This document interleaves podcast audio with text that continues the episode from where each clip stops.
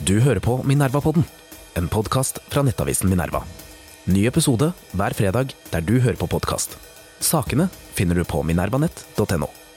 Minerva-podden er en podkast fra avisen Minerva. Det er gratis å lytte til Minerva-podden, men det er ikke gratis å lage avisen. Hvis du vil støtte Minerva, kan du tegne abonnement ved å gå inn på minerva.no abonnement, eller du kan vippse oss penger for å vise at du setter pris på podkasten, til mediehuset Minerva. Velkommen som abonnent. Hei og velkommen til Minerva-podden. Mitt navn er Nils August Andresen. Jeg er ansvarlig redaktør i Minerva. Med meg i studio i dag har jeg deg, Magnus Håkenstad. God dag. Velkommen. Du er forsker ved Institutt for forsvarsstudier og en god opprustningsvenn. Vi er her i dag for å snakke om opprustning og om eskalering. Ja. To temaer som i noen grad henger sammen, men som er litt forskjellige også. Eh, la oss begynne med det, med det, første, nei, med det siste, Magnus, med eskalering. Det har vært en debatt i Norge den siste tiden om, og i mange vestlige land om, om Vesten måtte risikere at vi bidrar til eskalering i, uh, i Ukraina. Uh, det var en debatt på Dagsnytt 18 med bl.a. Kai Eide, som, som var bekymret uh, for dette. Eh, han fikk et svar fra din kollega Karen Anna Eggen, som eh, hadde et annet syn. Hva, dette er et veldig viktig spørsmål når vi, når vi, snakker om den bistanden vi skal gi. Vi diskuterer nå om vi skal gi fly til Ukraina. Det er selvfølgelig militærtekniske forhold også som påvirker dette, men, men det er en diskusjon som går. Hvor mange stridsvogner, hvor langtrekkende artilleri, fly, andre ting. Bidrar vi til eskalering? Hvordan tenker du om, om bruken av dette ordet og det konseptet? Nei, Som, som militærhistoriker så vil jeg først påpeke at, at ordet eskalering i ren, snever, tradisjonell militær uh, forstand, så, så det, det, kommer av et ord som betyr stige. Så eskalering er en opptrapping eller en bestigelse. Og Tradisjonelt så er jo det da det å storme f.eks. en festningsmur eller en borg med hjelp av stiger, er en eskalering. En såkalt eskalade. Og det har vi jo egentlig ikke tenkt til å gjøre. Nei, vi har jo egentlig ikke det. Uh, og, og, det er jo, altså Kai Eide er jo ikke den eneste som er bekymra. Det tenkes jo åpenbart veldig mye på dette i alle vestlige land og Nato-hovedsteder rundt omkring. og det er jo også derfor antagelig eh, for å, for å, håndtere den risikoen at, at eh, våpenbistanden til Ukraina kommer eh, sånn som den gjør. At den kommer litt sånn langsomt omstendelig og uh, godt varsla i forkant, for å unngå å gjøre brå bevegelser da, som kan, kan feiltolkes. Um, men det er flere dimensjoner her. og Det ene er når man snakker om stridsvogner eller fly, da, om det kan virke eskalerende. Så er det jo vanskelig å se at, eh, at situasjonen i, i, Ukraina eh, kan eskaleres særlig mer enn den allerede er. Der har det vært full krig siden 24.2, og en del eh, før det også, men virkelig full krig med alle virkemidler. Og russerne jo, har ikke holdt noen ting tilbake, med unntak av masseødeleggelsesvåpen. Så gjør de alt de kan for å ramme og ødelegge både den ukrainske hæren og det ukrainske samfunnet. Fly, stridsvogner og alt mulig. Og ukrainerne har forsvart seg med alle våpen de har til rådighet, inkludert kampfly og stridsvogner. Så det å sende bedre stridsvogner, eller mer moderne eller vestlige stridsvogner, vil jo sånn på slagmarken eller i Ukraina eh, jo ikke bidra til eskalering i den, eh, en av de vanlige måtene å forstå det på, som er en sånn utvidelse eller intensivering av kamphandlingene der. Eh, for de er allerede der. Altså at man tar i, da, utvidelse av kamphandlingen i den forstand at man tar i bruk nye typer våpensystemer eller nye, nye ja. domener? på en måte. Det er snakk om en inkrementell en forbedring da, av det som allerede ukrainerne har. Det er, det, er viktig, det er, et viktig punkt du tar her. Du sier at det er, det er vanskelig å eskalere mer uten masseødeleggelsesvåpen. Vi får komme tilbake til det separat, for det er selvfølgelig, det er selvfølgelig et veldig viktig spørsmål. Eh, men man kan av og til få inntrykk av at både en del mennesker i Vesten eh, og en del mennesker i Russland Russland, eller i hvert fall i bloggosfæren og på russiske talkshows og sånn, eh, snakker som om Russland på en måte kjemper med én hånd bundet på ryggen. Kall det litt, litt sånn som uh, USA kjempet i Afghanistan. Man, man, kunne selvfølgelig vunnet militært, men man tok uh, for mange sivile og andre hensyn. Som om Russland gjorde det. på en måte. Nå var det jo nytt bombeangrep over hele Ukraina natt til i dag.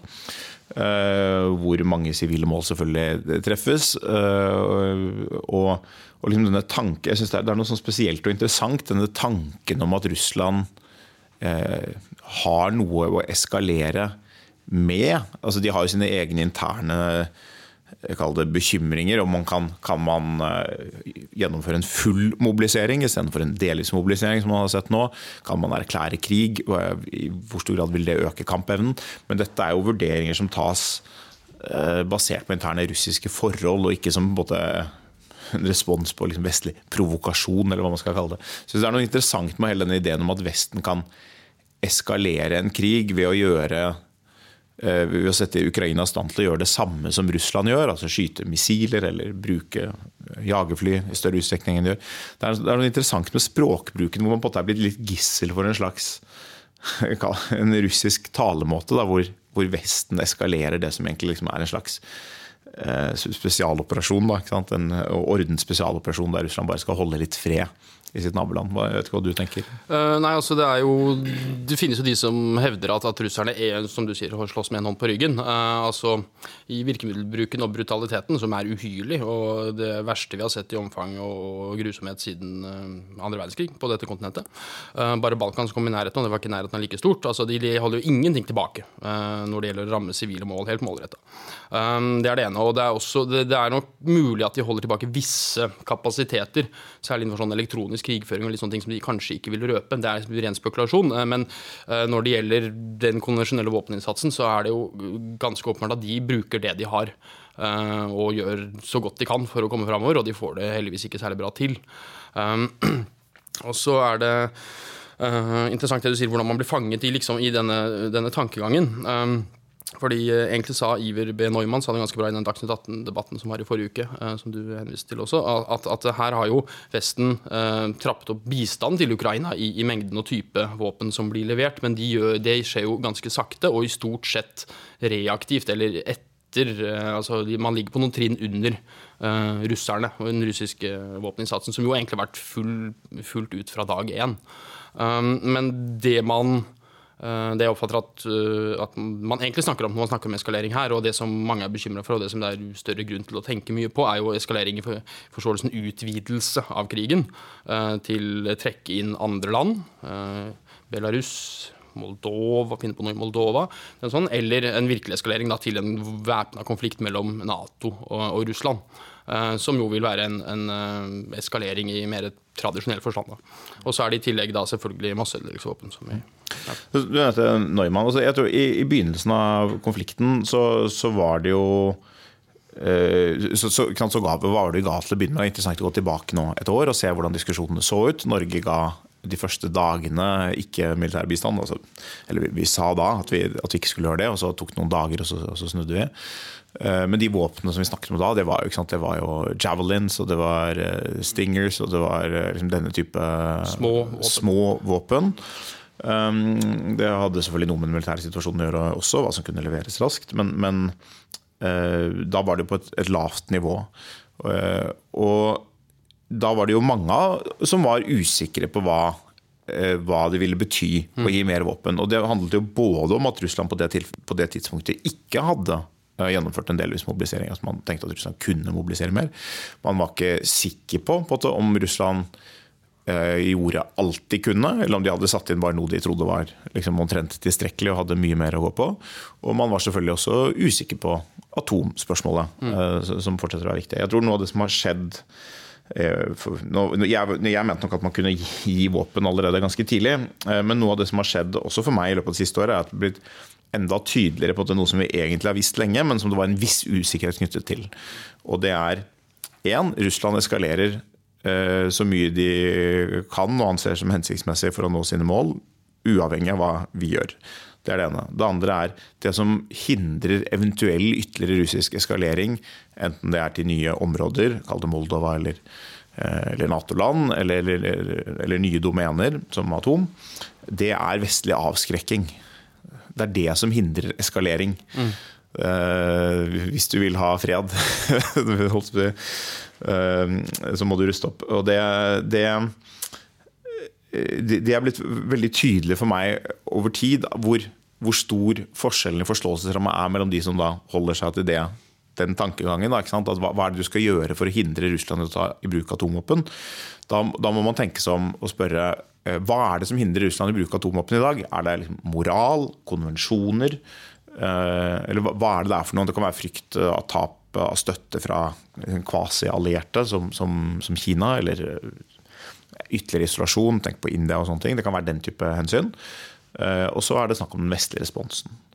Og det gjelder jo både bruk av taktisk atomvåpen i Ukraina, hvor USA, så vidt vi får, har kunnet forstå fra, mediedekningen, har kommet med veldig spesifikke beskjeder om hva de vil foreta seg hvis det skjer.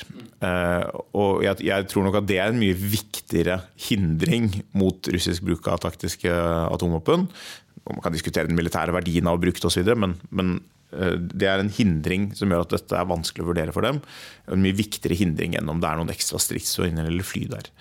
Um, så jeg liksom Men så er det da dette spørsmålet med For å ta dette med atomvåpen, hva er det som kan føre til det? Og jeg tenkte å nevne for deg eh, så I går så kom det en rapport i Politico om at um, Blinken, den amerikanske utenriksministeren, um, signaliserte noe han mente kanskje var en slags russisk rød linje.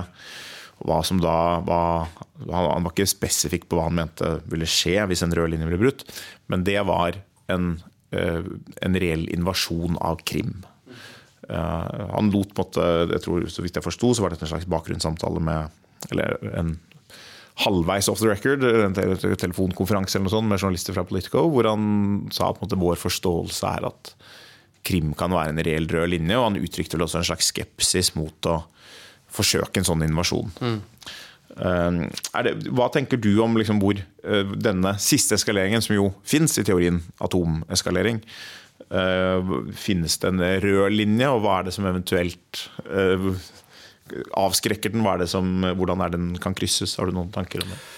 Uh, nei, altså det, det, finnes jo antageligvis en rød linje et eller annet sted for hva, hva russerne Hvor russerne til slutt vil ty til det ytterste maktmiddelet, men, men, hvor den er, er jo ikke godt å si. Og det er jo en stor del av Russlands problem her nå, som min kollega Karen Anna Eggen var inne på i en kronikk i forrige nei, for uker siden, er, er, jo nettopp det at, at, de har jo signalisert veldig tydelige røde linjer hele tiden. Ok, Hvis dere sender M72, hvis dere sender Javelins, hvis dere sender tungt, tungt artilleri, hvis dere sender ammunisjon, hvis Finland eller Sverige prøver å melde seg inn i Nato, da, da ikke sant?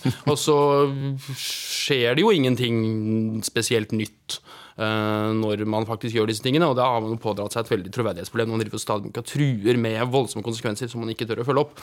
Uh, og det er også vanskelig å se for seg at Russland skal gå til veldig drastiske skritt overfor Vesten eh, hvis ukrainerne får flere og bedre stridsvogner, eller kampfly også, for den saks skyld. Eh, men, men, et eller annet sted går det jo da, og det som tradisjonelt alltid har vært sagt, er at det altså eksistensielle trusler mot moderlandene. Da, ikke sant? At det er jo den russiske atomvåpendoktrinen, så vidt jeg har skjønt. At da er det legitimt å bruke atomvåpen, og ikke bare taktiske, men, men liksom virkelig. Eh, som jo er den klassiske rollen, nesten ofte den eneste rollen som strategisk atomvåpen kan spille. Eh, men eh, det er interessant at, at, den amerikanske utenriksministeren sier dette når det gjelder en ukrainsk gjenerobring av, av Krim. For det har jo vært veldig tydelig i Ukrainas posisjon at uh, de vil frigjøre alt okkupert land, inkludert uh, Krim. Uh, som er internasjonalt anerkjent som, som ukrainsk territorium i FN og av alle andre enn Russland og et par andre, liksom. Så det er De har jo retten på sin side der. men så har jo da sies det ofte at Krim har en helt spesiell betydning for Russland og deres selvoppfattelse, og det er veldig viktig. Og praktiske strategiske årsaker også. men det veit vi ikke. Eh, det som jo er sannsynlig å se for seg, for det er uansett et langt stykke fram til det er aktuelt for Ukraina rent praktisk eh, å, å, å prøve seg på noe sånt nå. Det er kanskje ikke sikkert det blir mulig uh, i det hele tatt. Men det, det, det, er verdt å huske at, at Russland hevder jo at Krim er russisk, men det hevder de også om eh, betydelige deler av Ukraina, i Zaporizjzja, Kherson og, og Donbas. Eh, også områder som de eh, ikke kontrollerer militært, eller som de har mista. Eh, de har begynt å gi ut sånne nye russiske skolekart nå, visstnok, hvor alt dette her, inkludert eh, storbyen eh, her, ja, Kherson og et par andre, Dnipro og sånn, er er Russland, da. ikke sant? Så det er like mye Russland som Moskva og Vladivostok. Og da har du jo også uh, truet noe du ikke er villig til å følge opp. For det, nå er det jo faktisk da ukrainske styrker som står langt inne på det russerne hevder er russisk territorium. Uh, men hva har de tenkt å gjøre med det? Det som er sannsynlig når det gjelder Krim, tror jeg, og det er ikke min egen spekulasjon, men det er at, at, at Krim kan bli det siste forhandlingskortet Eh, og at eh, det er veldig dumt av Ukraina å signalisere at de er villige til å gi slipp på det for eh, hvis de får tilbake alt det andre. Og, og kanskje, kanskje, det kan liksom inngå i en endelig fredsavtale når ukrainerne har kommet til en sterk nok forhandlingsposisjon. Men der vil nok også amerikanerne signalisere til verden, Russland, Uh, Ukraina, uh, litt sånn uh, hvor landet ligger i det spørsmålet. Det har også vært min tanke hele tiden at det er, det er idiotisk å, å si, si, allerede nå at mm. man ikke vil gjøre noe med, med, Krim. fordi det er, Hvis man noen gang skal ha en forhandling, så må man ha noe meningsfullt å forhandle om.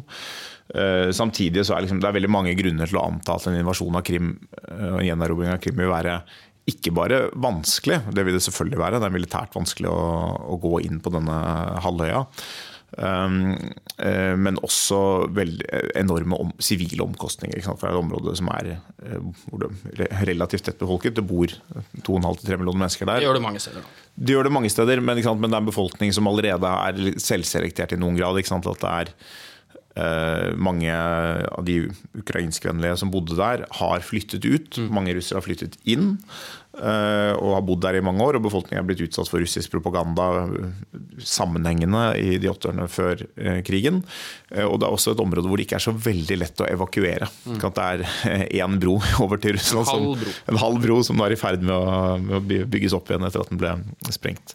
Så, så det, er liksom, det, er noen kostnadsspørsmål som selvfølgelig er overalt, men så, så, som jeg tror det spiller opp mot en større rolle for Ukraina enn for Russland. At man ønsker ikke enorme sivile tap. Eh, det, det, ødelegger litt av, av målet. Men, men det, det, får vi se. Altså, Russland har satt seg selv i en ganske vanskelig situasjon ved at man har satt ikke bare DNR og LNR, men fire hele fylker uh, samme, på samme status som Krim. Som gjør det både ulogisk å skille for, for uh, alle parter. Så det er en noen uklok uh, effekt av det. Bare skyte inn det, altså Frykten da er jo åpenbart at russerne vil føle okay, at nå må de sette seg i respekt. da, ikke sant? Mm.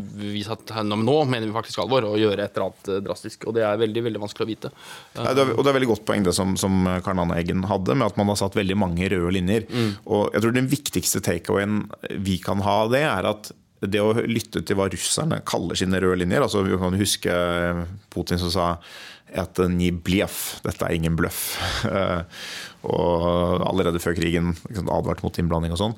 Det er ingenting å ta på alvor. Det er ikke, den, det er ikke våre handlinger som, av den typen som fører til eskalering. Det er vår avskrekking som hindrer det. Mm. Så når vi skal tenke om russisk eskalering, så må vi tenke på hva som på en måte er meningsfulle doktriner og meningsfulle røde linjer for en aktør av Russlands type. Mm. Og da, da, snakker man om den type eksistensielle trusler, og så er det det å forstå hva som er en eksistensiell trussel. Da kan man selvfølgelig ha en, en slags uh, en slags debatt. Man kunne selvfølgelig hevde at det ikke er en eksistensiell trussel mot Russland som sådan, at Krim ble gjenerobret. Men, men det er på en måte den type diskusjon man må ha. Du, eh, jeg, jeg vil gå videre til, til tema, tema to. Eh, for at vi skal kunne sende disse våpnene, så må vi ha eh, våpen å sende. Og det er jo, det er jo For å i det hele tatt komme i en situasjon der man kan forhandle om disse tingene, så, så må Ukraina fortsatt gjenerobre masse territorium og Russland må fortsatt eh, avskrekkes. Eh, og vi ser på at Nato har begrensninger i hva vi kan sende. Det var nå sist tilfellet med amerikanske attackams, hvor de har for få på lager. Eh, ammunisjon har blitt en utfordring. Vi ser det litt i spørsmålet om stridsvogner fra Europa. Vi ser hvor, hvor få hvor fantastisk få stridsvogner vi har. Tenk på det. Brukbare stridsvogner. Brukbare stridsvogner. Altså er, uh, Russland hadde hatt rundt 10 000. Ukraina har hatt et par tusen. Uh, Norge har 36. Mm. Uh, og, og, og, store land som Frankrike og Storbritannia har liksom et par hundre hver. så det er en situasjon i Vesten at vi har ikke prioritert militært forsvar siden kalde krigen. Og, og nå er det en pågående diskusjon i Norge pga. den enorme eh, olje eh, ekstrainntekten, eller gassinntekten vi har hatt siste året, så eh, blir jo BNP veldig høyt, og vi faller langt bak Natos 2 %-mål. Det mangler eh, hvor mye var det? 35 milliarder kroner. Eh, Knut Storberget skrev en kronikk om dette i går, vel? Her om dagen. Her om dagen, ja. Og Jens Stoltenberg har snakket om det. Og det er jo interessant. ikke sant? Vi bruker langt under 2% nå. Man kan, kan godt si at okay, det kan være tilfeldig utslag akkurat i år, men uh, vi bruker uansett godt under 2% Under kalde krigen så brukte vi jo stort sett 3% eller litt mer.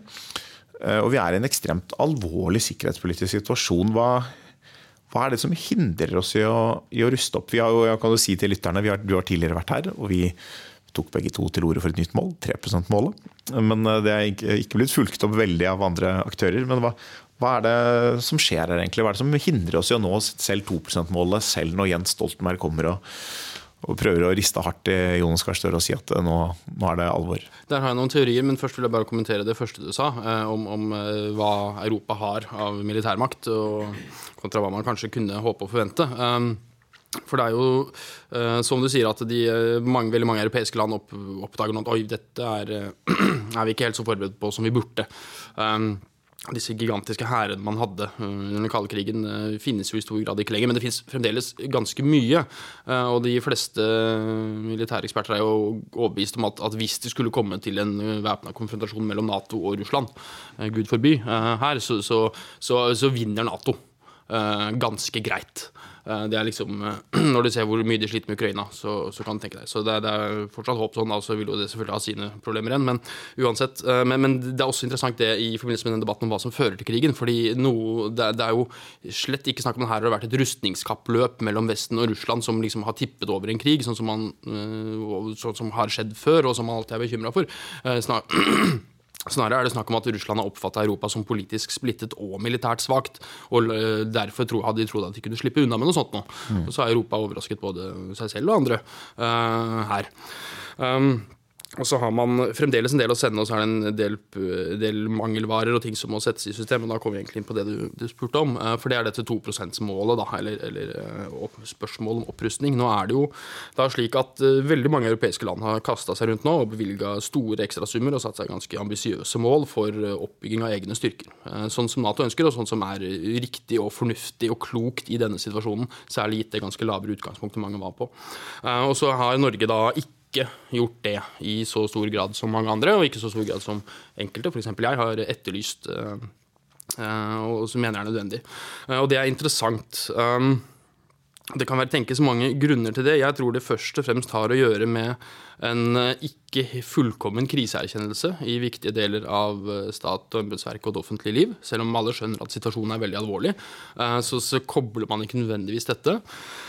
Det henger også sammen med at vi har vi har vent oss til å tenke at, at, vi bruker en passelig sum penger på Forsvaret um, og over tid nå. Uh, og uh, det er jo også riktig at forsvarsbudsjettene har økt i Norge ganske betydelig de siste 10-12 år. Uh, fra 40 milliarder ca. i 2012 til nå opp hos 75 milliarder. Fikk jo en liten boost i statsbudsjettet nå, men ikke noe så voldsomt mye mer enn det som allerede var planlagt før, før, før invasjonen. Um, og så er det jo dette med at vi er jo i den uheldige situasjonen at, at, vi tjener så mye penger at det er vanskelig å bruke nok på Forsvaret. Og det er jo et argument som ikke flyr særlig bra overfor allierte da, som, som, har betydelig mindre penger, og som låner over pipa da, for å kjøpe seg strids, koreanske stridsvogner, f.eks. Eh, men, men 1,5% av BNP på Forsvaret er historisk lavt. Ok, Vi bruker mye penger i rene tall, selvfølgelig, men eh, dette er det har nesten aldri vært lavere. Eh, og under kalde krigen så lå forsvarsbudsjettene jevnt på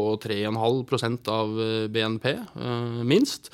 Og før det igjen så var jo forsvar, altså i ordentlig gamle dager så var det jo forsvar var det, eller krig var det staten drev med. Så mesteparten av statens penger gikk til hæren og flåten, og resten gikk til hoffet. ikke sant? Um, så, så, det var tider, Magnus. Ja, det var tider. Um, men uh, og Én ting er BNP-andelen, da. Og en annen ting er, er, andelen av statens utgifter, som kanskje er et bedre mål egentlig, i og med at BNP er litt sånn volatilt i, I, vår, i vår oljeøkonomi. Ja. Uh, og der, jo, der, ligger jo forsvarsbudsjettet nå uh, i år på ca. 4,3% av statsbudsjettet. Uh, det er mer eller mindre nøyaktig det samme som i fjor. Um, og i ganske grell kontrast til under den kalde krigen igjen, da, hvor det lå på sånn 12-15% av statens utgifter. Sånn i snitt. Eh, synkende fra 45 til 90, da etter hvert som statens øvrige utgifter vokser voldsomt med innføringen av velferdsstat og folketrygd og sånn. Eh, men vi er på et eh, veldig lavt nivå, og man har vært i den heldige situasjonen at det har ikke vært noe stort problem, men nå, nå er vi ikke der lenger.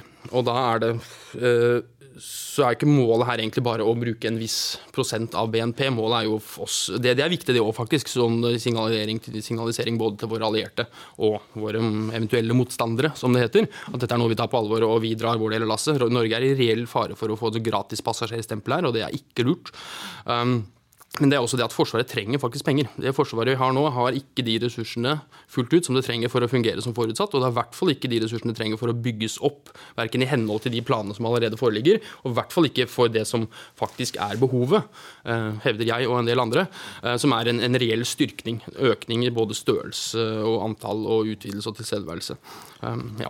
Og det, og det mange land vel også har sett med krigen i Ukraina, er på at det er eh, behovet for strategisk dybde i alle dimensjoner. Altså det handler om å ha at det skal være styrker igjen og utstyr igjen og ammunisjon igjen eh, etter en måned. At Vi mm. snakker ikke om en, en liten operasjon, eller et eller annet sånt. vi snakker om at vi også må være i stand til å stå i en konflikt over tid. Mm. Med en fungerende rustningsindustri mm. og, og, med fungerende lagre osv. Det er interessant det du på en måte sier om eh, at vi, vi ligger på samme nivå av, eh, av statsbudsjettet som, som vi har gjort de, de siste årene, til tross for en helt uh, ekstraordinær uh, krise.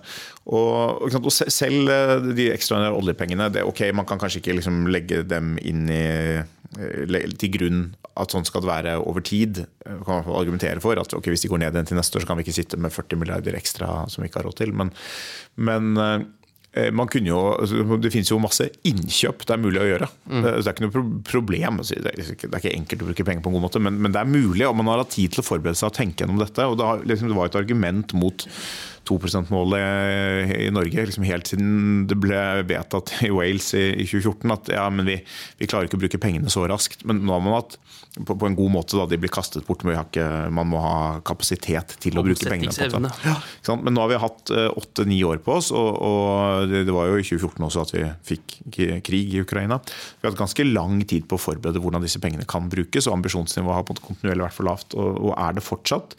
Og, og det som jeg syns er veldig interessant interessant eh, når, det, når, vi snakker om at man ikke har økt prioriteringen av Forsvaret på statsbudsjettet, er hvordan vi både er i stand til å bruke enorme summer, eh, også måte årlig, når vi opplever at det er en eller annen form for krise. Tenk, tenk på korona, altså det beste eksempelet, hvor vi bruker flere hundre milliarder kroner over et par år. Ja, det var midlertidige utgifter, men, men, likevel. Eh, og nå også med strøm. ikke? At nå har vi strømstøtte som man kan diskutere om den er for raus eller for lite raus, eller hva det er. Men den er eh, mange titalls milliarder, 50-60 milliarder, som vi innfører ganske over natten. Og nå kom det en utvidelse av den eh, nettopp i går, og ble signalisert at den skulle holde på i hvert fall ut 2024, men i praksis så lenge som nødvendig. i en viss forstand. Det tar vi oss råd til fordi eh, det er en politisk krise, eh, bl.a. for Arbeiderpartiets oppslutning, men, selvfølgelig også for, for, nordmenn. Eh, og Sånn er det ikke med Forsvaret. og Det er interessant. Hvorfor er det ikke sånn jeg tror en, en grunn er liksom at Forsvaret eh, har gått fra å være sett på som som du sier, statens, selve, statens kjerne, på en måte. Det, hva er det viktigste staten gjør? Det, helt, det aller mest sentrale er å sikre eh, statens integritet og territoriale integritet og eksterne sikkerhet. Og som Deretter så kommer det interne voldsmonopolet. Så Forsvaret er, liksom det, det, er det første staten gjør. Eh, det har vært forståelsen i alle land liksom alltid. Og så ble det på en måte borte i Vesten etter 1990, etter den kalde krigens slutt.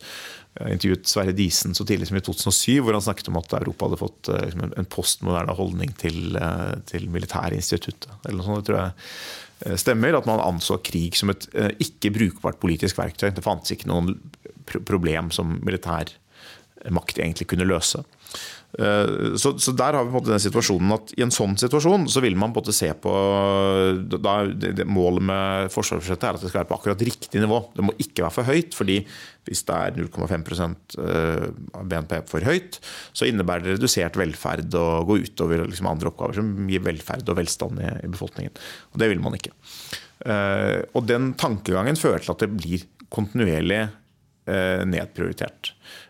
Fordi man, da har man på en sånn hvis man prøver å ha en sånn helt rasjonell risikovurdering, hva er risikoen for krig i år? Jo, den er 4,2% Ok, så må vi gange og se om vi får en kostnadseffektiv bruk av disse pengene. I stedet for å si Forsvaret handler om eksistensielle trusler. Eh, hvis de materialiserer seg, så er det på en måte eh, er det for sent. Så man må ha et fungerende forsvar. Og, og den kriseforståelsen eh, på å si at dette er viktig, dette er en del av statens kjerneoppgaver som må ha prioritet fremfor andre, den er ikke der i Norge. Og så er det da et politisk system som ikke har ikke husker hvordan man prioriterer. Og Vi kan sammenligne med Danmark, som ikke har verdens beste forsvarsbudsjett, heller. Men, men, de sa liksom nå etter krigen at de må, må styrke Forsvaret. Og så gikk de ut og ga en del milliarder til Forsvaret. Og for å finansiere det, så fjernet de da denne store bededag. eh, altså De tok bort en fridag. Alle må jobbe én dag ekstra i året. Eh, og, og, der fant de pengene. Det ble masse rabalder, selvfølgelig, men, men det gjorde de. Og liksom, et hvilket som helst kutt for å si nå trenger vi mer penger til forsvar, det hadde, hadde for meg i hvert fall vist at man i hvert fall prøver å ta dette på alvor. Men her er det sånn, Jonas Gahr Støre sa sånn, det er, nå er det krig og krise, krisebudsjett i fjor. Men det er skipstunnel i Stad, det er E18 eh, Vestkorridoren, det er eh, ingen kutt noe sted i velferdsstaten. Det er nye satsinger på, på mange områder, liksom. Så det er det er et eller annet sted hvor dette her ikke er en krise, fordi det ikke er en politisk krise. Har, enn så lenge er det ikke sånn at vi taper noe valg på for lave forsvarsutgifter.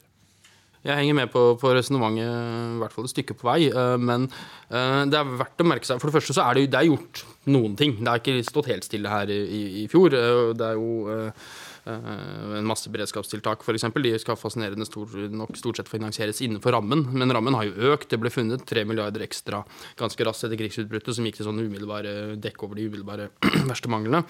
Eh, og blant annet så tegner man en stor kontrakt med, med Nammo, med ammunisjonsindustrien, som vil gjøre det mulig for dem å bygge ut produksjonslinjen og øke kapasiteten også på sikt, da, som, som er gunstig. Men det er, det, dette er forholdsvis små ting. Stridsvognkjøp også var jo planlagt og vedtatt for lenge siden. Eh, så det er en styrking av Forsvaret, selvfølgelig også, men, men, det er ikke noe utover Ekstra. det som man er. Mm. Men så er det en, en del andre greier, men, men, det er det som tyder på at, at si, det er, jeg tror det finnes en viss etterspørsel i befolkningen og politisk etter styrking av Forsvaret, fordi man snakker veldig mye om det hele tiden. Så de økningene som har vært, og også den økningen på statsbudsjettet, som jo var en betydelig økning sånn i, i 28, 28 milliarder kroner, ikke sant. Mm. Um, Eh, det, det, blir jo det blir oversolgt litt, for man snakker hele tiden om viktigheten av å styrke Forsvaret. Som du var inne på, så var det i forbindelse med budsjettet blitt trangt budsjett, vi er nødt til å prioritere det er, liksom, det er inflasjon, det er strømkrise, og det er forsvar og sikkerhet. Mm. Um, så, så, jeg tror at, at uh, det har blitt dannet et inntrykk av at her gjør man egentlig mer for å styrke forsvar og beredskap enn det man faktisk gjør. Mm. Um, uh, og det er uh, det er interessant, men jeg, jeg tror, også tror jeg folk uh, stort sett da har et Forsvaret har blitt veldig flinke på markedsføring og egenprofilering de siste ti årene. Uh, på mange, uh, mange måter, og, og, og er, er, på mange måter veldig bra og, og moderne. Men det mangler jo det, det dybden utholdenhet. Du ser jo dette enorme forbruket av ammunisjon og folk og soldater i en moderne krig, som tydeligvis ikke var så annerledes enn de tidligere krigene. Um, som man har i Ukraina. Og så Um, det, blir det en veldig tydelig beskjed fra, altså, både fra, fra Forsvarets forskningsinstitutt kom en rapport i fjor sant, om følgende feil og mangler. Uh, forsvarssjefen har vært ute, også med noen, med noen drypp. Og, og summen er at Forsvaret er, eh, er ikke klar for krig. Nei. Nei. Det, er, det, er, jo en viktig mangler, aspekt i et forsvar. Ja. Eh, men, men, de kan gjøre veldig mye annet og, og, løse mye bra. Og, og, de kommer til å slåss, de. Eh, og, og heldigvis viser russerne seg å være mye mindre kompetent kompetente enn det vi trodde. Men, men, men det mangler en, nettopp dybden, robustheten. Kall, kall meg gammeldags, Magnus, ja. men, jeg syns at et forsvar på mange måter skal være klar for krig. Ja, det er jo en veldig vanlig oppfatning i, i konservative miljøer, selvfølgelig. Men, men, jeg bare, bare skyter inn der, for du var også inne på det, det fins måter å gjøre gjøre dette på. Fordi det, okay, det, er, det er, reelle problemer. Altså hvor mye klarer man å omsette, hvor mye klarer man å bruke, hvordan, hvor skal pengene hentes fra. Det, som du peker på, Når man virkelig vil, så klarer man å, å finne penga. Men klarer vi å bruke det uten ha, Er det penger som er problemet? Er det arbeidskraft, kvalifisert personell, alt mulig sånt noe? Fins det løsninger, da? Denne BNP-greia har blitt foreslått av tidligere generalmur og økonomisjef i Forsvarsstaben. At man kan ok, komme med en SSB, gi oss en prognose på BNP-snitt de neste åra, og så legger vi det der. Da kan man argumentere i Nato for at vi mm. trapper opp til det, da, og så er det ikke sikkert. men det vil bli møtt med noe forståelse. Nå sier man nesten ingenting om det. Jeg vet ikke hva de har sagt i, i, på siste møte nå. En annen ting er å opprette et forsvarsfond, sånn som tyskerne har gjort. Da. Sette av en tresifra antall milliarder kroner som Forsvaret kan bruke når de uh, finner en mulighet og får en plass i køen. Uh, Mange sånne løsninger uh, som fremdeles ikke blir diskutert. Jeg tror den diskusjonen kommer til å komme ganske tungt i våren med Forsvarskommisjonen, Totalberedskapskommisjonen og forsvarssjefens fagmilitære råd.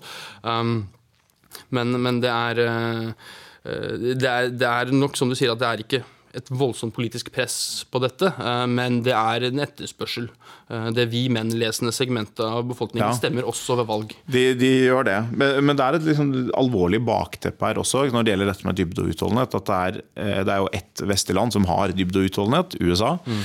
Um, og der er liksom utfordringen uh, Det ligger en stor utfordring der som Europa må begynne å ta på alvor. Ikke sant? At USA har etterspurt mm. europeisk styrking av Forsvaret i lang tid. Men det er jo ikke bare fordi de er gjerrige eller ikke vil bidra eller uh, den type ting, eller fordi Trump var slem eller noe sånt det er, jo, øh, altså det er jo dels fordi USA øh, orienterer seg mot, og må orientere seg mot, i økende grad mot Kina. I USA så finnes det et veldig sterkt Kina-hauk-miljø, som allerede på det mener, ikke av noen sånn russiskvennlige grunner, som mener at Ukraina er en distraksjon. noen av dem er russiskvennlige noen, noen, av dem er, noen av dem er det, men ikke alle er det. Det gir en slags mening for, for USA oh. det går an å, å, forstå det og si at dette er et europeisk anliggende. Russland er en svak makt, har jo vist seg å være en svak makt som ikke konkurrerer direkte med USA.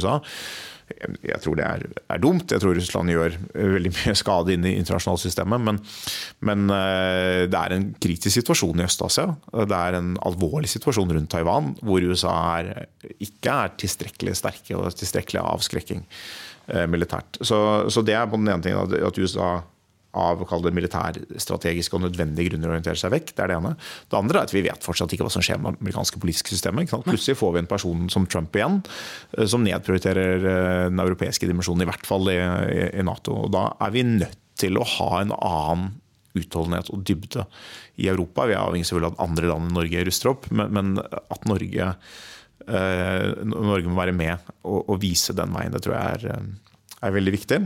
Så skal vi gå inn for landing her, eh, Magnus, men eh, vi, vi står fortsatt på dette 3 %-målet, gjør ikke det? Gjør det. Jeg vil gjerne også eh, si noe i sakens anledning med det du kommer der. fordi jeg, jeg, jeg, er helt enig, og det er den på, på litt sikt, ikke veldig lang sikt, eh, så, så er det den virkelig store bekymringa. Er om USA ikke vil eller er i stand til å, å dra lasset så mye stor grad som de har gjort. Da må europeerne klare seg selv. Og samla sett, økonomisk og, og for så vidt også militært, så, så, bør det kunne gå. Eh, men da er man avhengig av at alle drar sin del av lasset. Eh, og det store problemet i, et av de store problemene i, i norsk måte å snakke om dette på, om Nato, er at man fremdeles i stor grad omtaler Nato som en leveringsmekanisme for forsterkninger som skal redde Norge. Mm. Og spør ikke i, like, i stor grad hvordan kan vi også bidra til spleiselaget her. Um, Spør ikke hva Nato kan gjøre for deg, men hva du nettopp. kan gjøre for Nato. Uh, nettopp. Det var det jeg ville si om den saken. Det er en god måte å avslutte på, Magnus. Takk for at du kom i studio. Bare hyggelig.